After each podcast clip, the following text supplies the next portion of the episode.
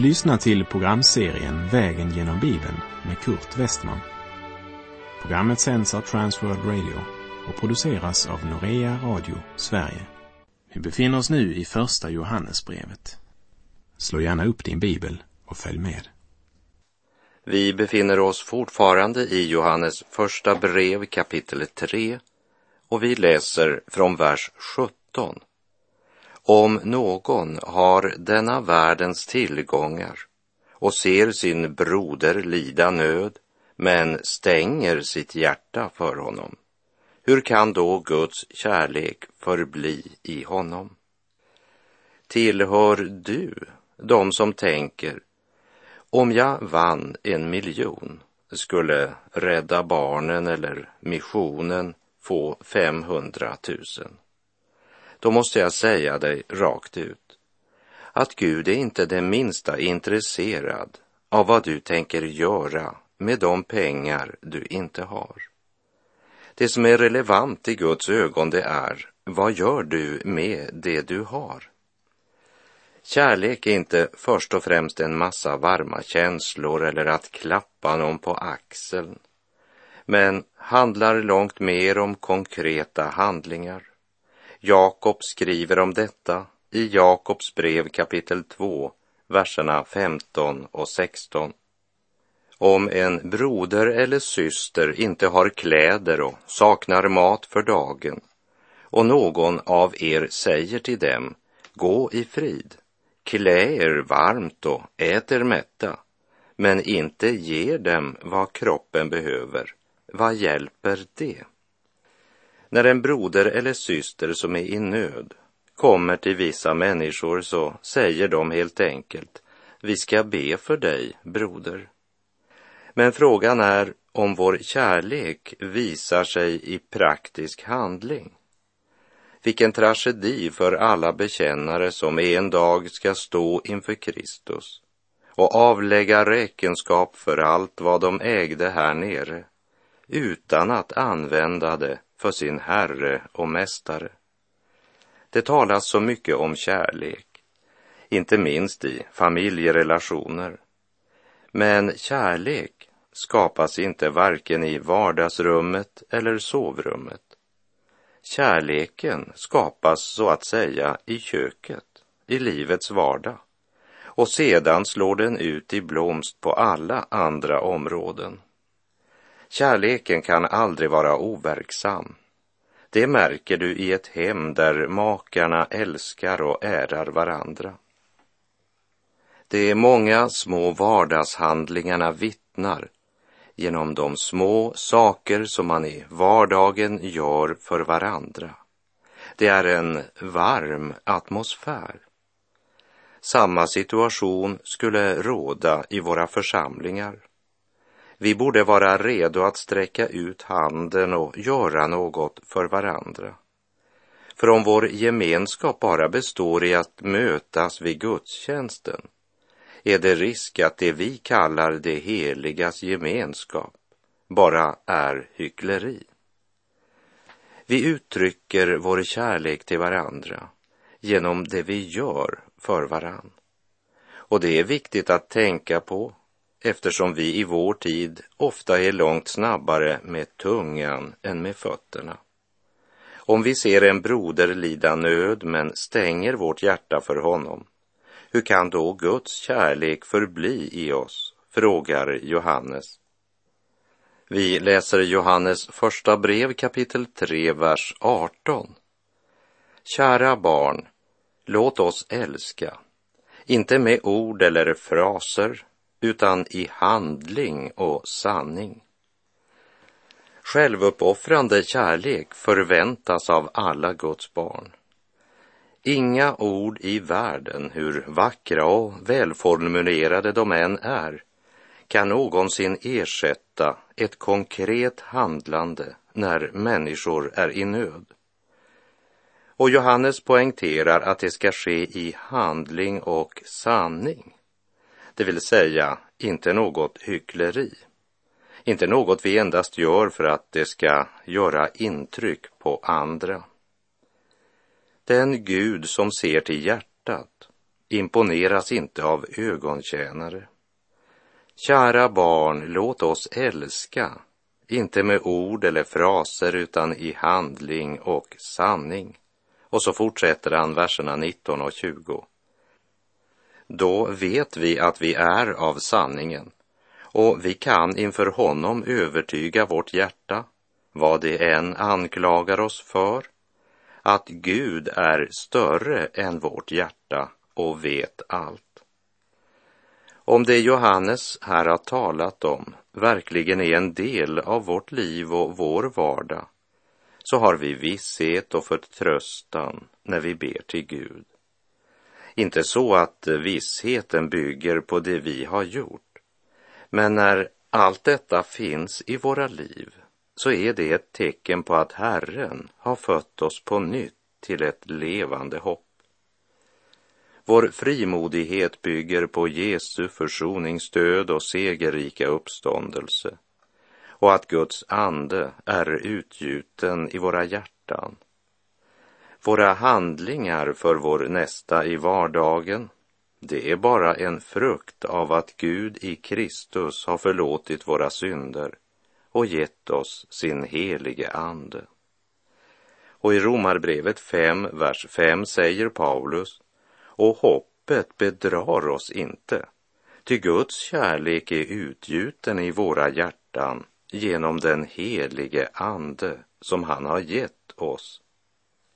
Jesus säger i Johannes 14, vers 15. Om ni älskar mig kommer ni att hålla mina bud. Det hjälper inte att vi står med lyfta händer i gudstjänsten och lovsjunger hans heliga namn eller säger att vi väntar på Kristi tillkommelse utan att vara verksamma i vardagen. När du och jag ska träda in i hans närhet så tror jag att det blir en obehaglig upplevelse om vi har använt Guds nåd som en sovkudde och valt bekvämligheten framför att ta upp vårt kors och följa honom i vardagen. Bekvämligheten och egenviljan har förändrat korsets symbol till en hängmatta och gjort oss likgiltiga både inför Andens frukt och inför Andens gåvor. Och där det talas om Andens verk smyger köttet sig in och gör oss mer upptagna av Andens gåvor än av Andens frukt. Och vi uppför oss som om Jesus skulle ha sagt på deras gåvor ska ni tjäna dem. Men det har han aldrig sagt. I sin bergspredikan säger han i Matteus 7, vers 20, på deras frukt ska ni alltså känna igen dem. Jag citerar Galaterbrevet 5, verserna 22 till och med 25. Men andens frukter är kärlek, glädje, frid, tålamod, vänlighet, godhet, trofasthet, ödmjukhet och självbehärskning. Mot sådant vänder sig inte lagen. Det som tillhör Kristus har korsfäst sitt kött med alla dess lidelser och begär. Om vi har andligt liv, låt oss då följa en andlig väg.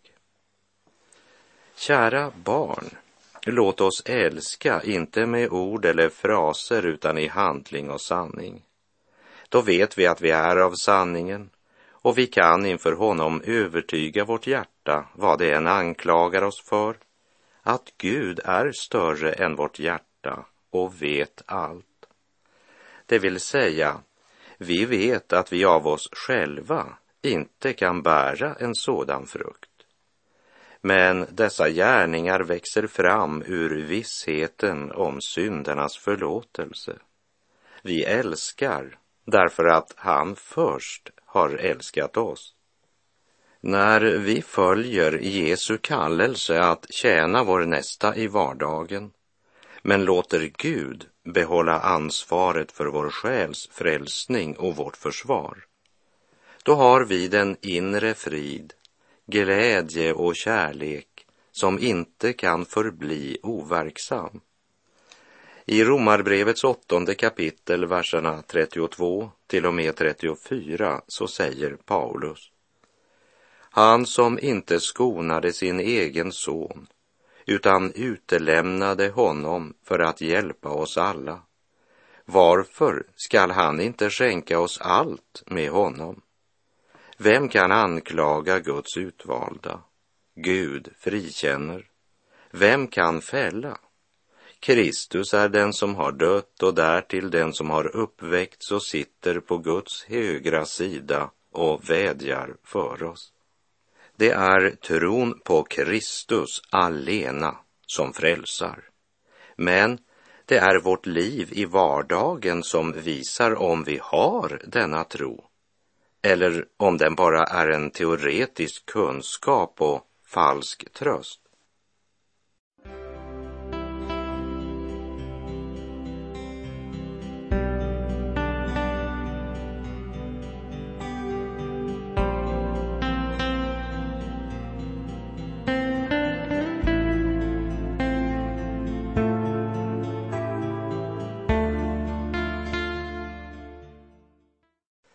Johannes säger att vi har inte förlorat frälsningens gåva, även om vårt hjärta skulle fördöma oss.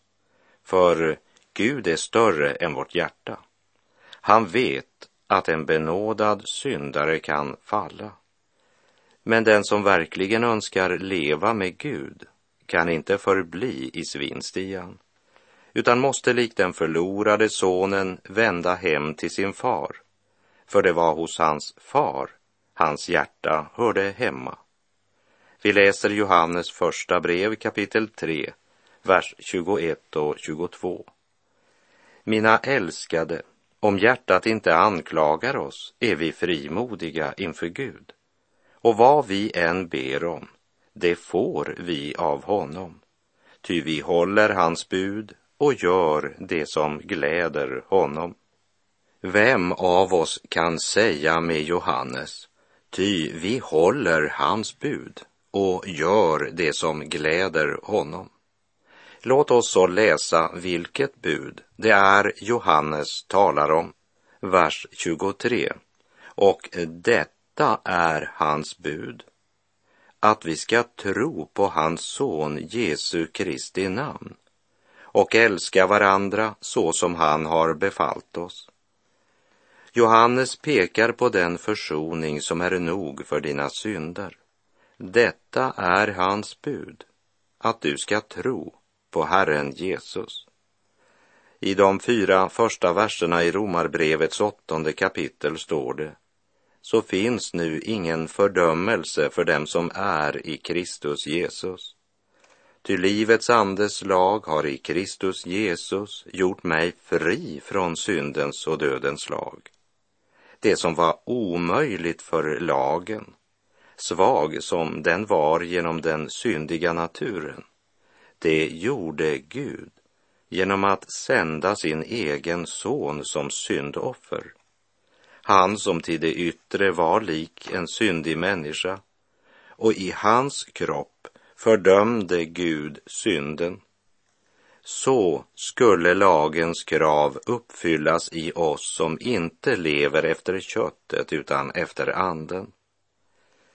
När Johannes säger, och detta är hans bud, att vi ska tro på hans son Jesu Kristi namn, så betyder det att vi ska tro allt vad Jesus har sagt.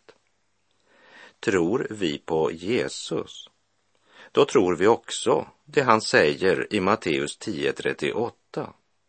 Den som inte tar sitt kors och följer mig är mig inte värdig.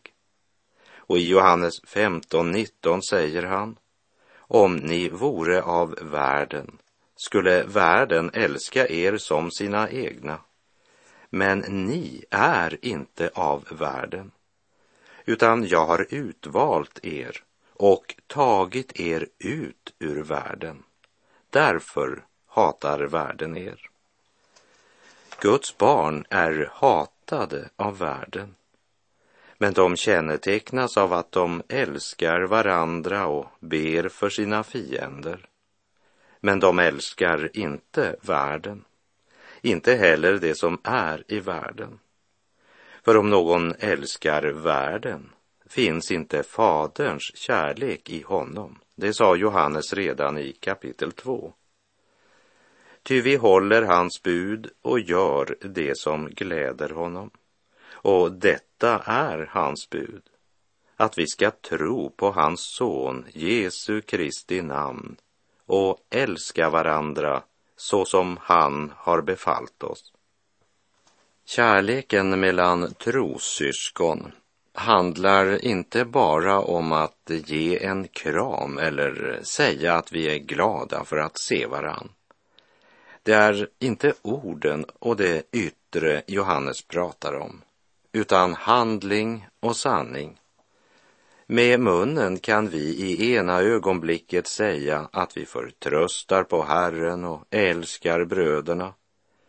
Och nästa sekund så talar vi om att vi inte gillar den eller den personen. Beethoven sa, jag knäböjer inte, varken för kunskap eller visdom eller makt. Endast för godheten knäböjer jag. Och Spurgeon sa, vi älskar att spela på nådens silvertrumpet hellre än rättfärdighetens basun. Aposteln Johannes säger, ty vi håller hans bud och gör det som gläder honom. Och detta är hans bud, att vi ska tro på Jesu Kristi och älska varandra så som han har befallt oss. Kärleken kan inte skvallra eller baktala. Kärleken kan inte misstänkliggöra eller kasta ut ord som sårar. Kärleken kan inte på något sätt skada sin broder eller sin nästa. Kännetecknet på en rätt omvändelse till Herren är att du har nog tro och liv till att bringa något gott till andra. Om inte, så är det något som inte stämmer. Gör det lilla du kan, gör det villigt och glatt. Snart är dyrbara tillfällen fly. Efter vår kommer höst och på dag följer natt. Då kan hända ej morgon skall gry. Gör det lilla du kan och besinna att Gud hos oss alla blott trohet vill se och så gläds att få gå som hans ringaste bud och att själv han all hjälp dig vill ge. O vad fröjd om en dag han och säger till dig, vad du gjorde, det gjorde du mig. Ty vi håller hans bud och gör det som gläder honom. Och detta är hans bud, att vi ska tro på hans son Jesu Kristi namn och älska varandra så som han har befallt oss.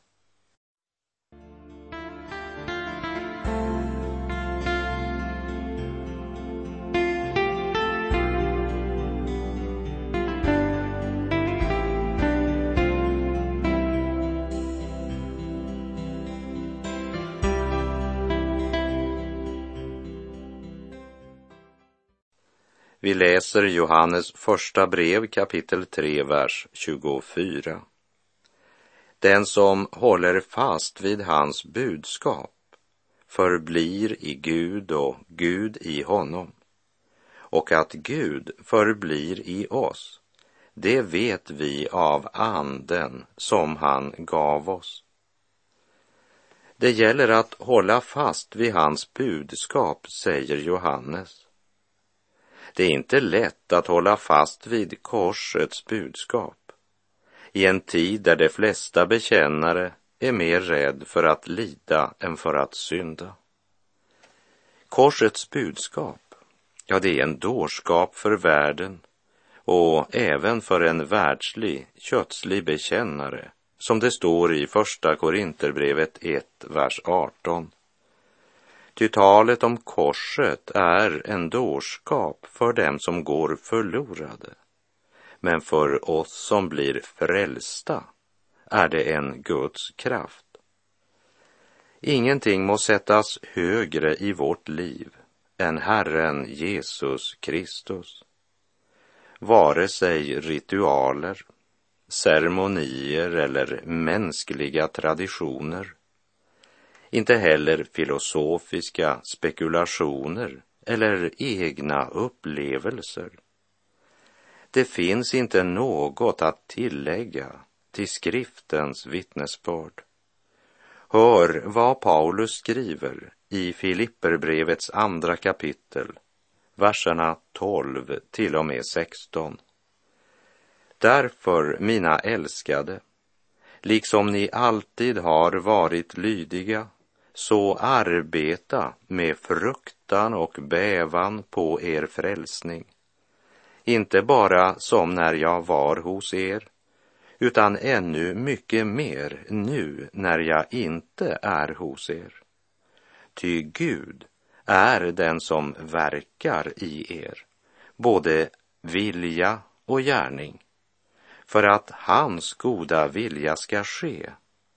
Gör allt utan att klaga och tveka, så att ni blir fläckfria och rena, Guds oskyldiga barn, mitt i ett falskt och fördärvat släkte. Där lyser ni som stjärnor i världen när ni håller fast vid livets ord. Då kan jag berömma mig av er på Kristi dag. Till sin medarbetare Timoteus skriver Paulus i Första Timoteusbrevet 4.13. Fortsätt att föreläsa skriften och att förmana och undervisa tills jag kommer. Och i Johannes evangeliets åttonde kapitel, vers 31 säger Jesus.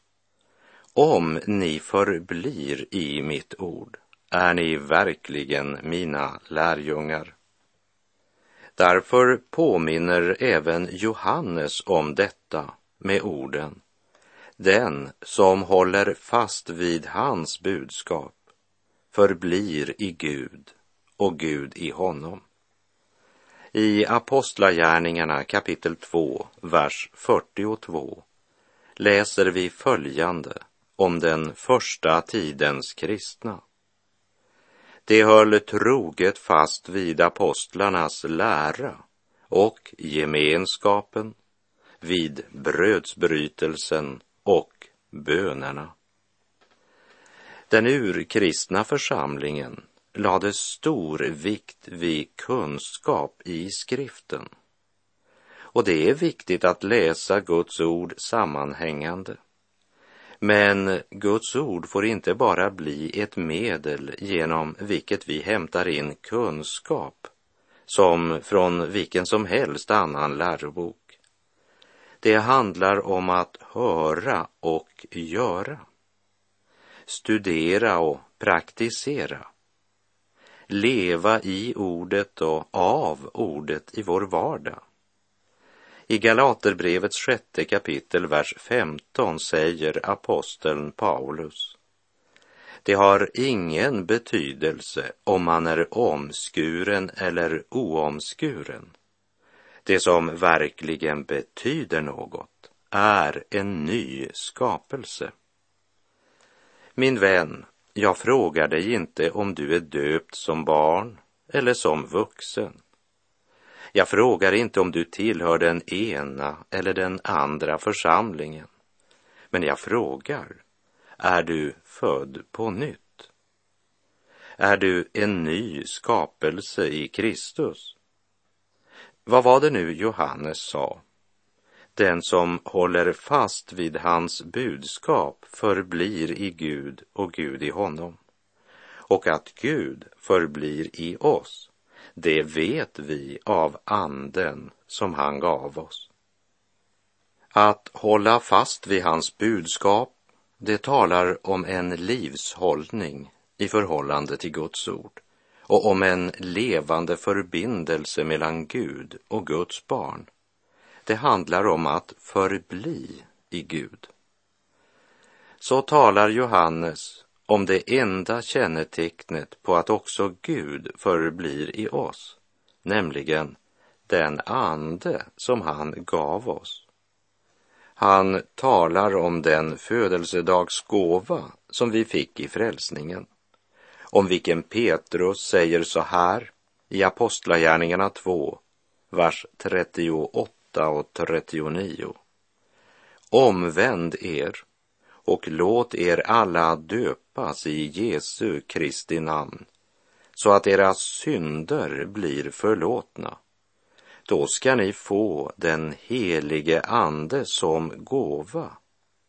Ty er gäller löftet och era barn och alla dem som är långt borta, så många som Herren vår Gud kallar.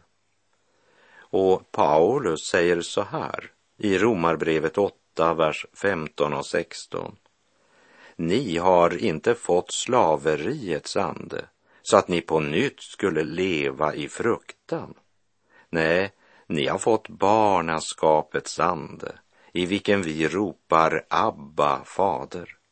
Anden själv vittnar med vår ande att vi är Guds barn. Anden vittnar med vår ande att vi är Guds barn. Här ser vi grundlaget för frälsningsvisshet.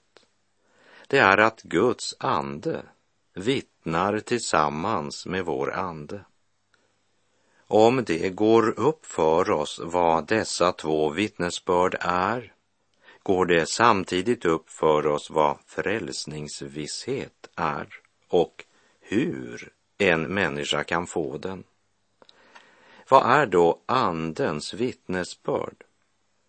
Det är att Guds ande genom evangeliet uppenbarar för vårt hjärta vad vi äger i Jesus.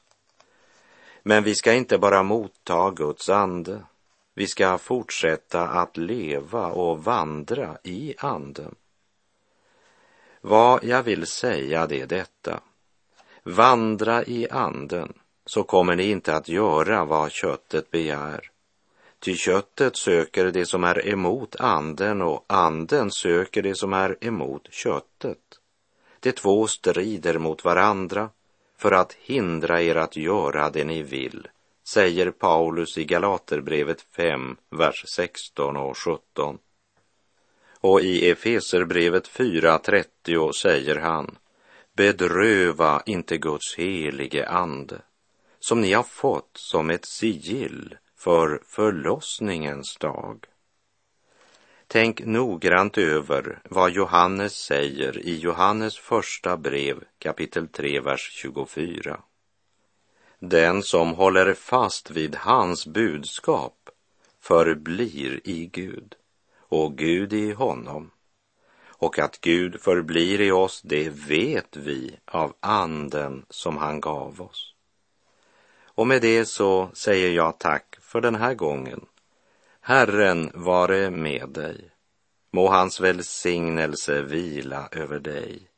Och att Gud förblir i oss, det vet vi av anden som han gav oss.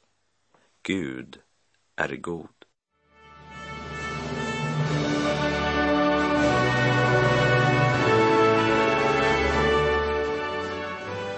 Du har lyssnat till programserien Vägen genom Bibeln med Kurt Westman som sänds av Transworld Radio.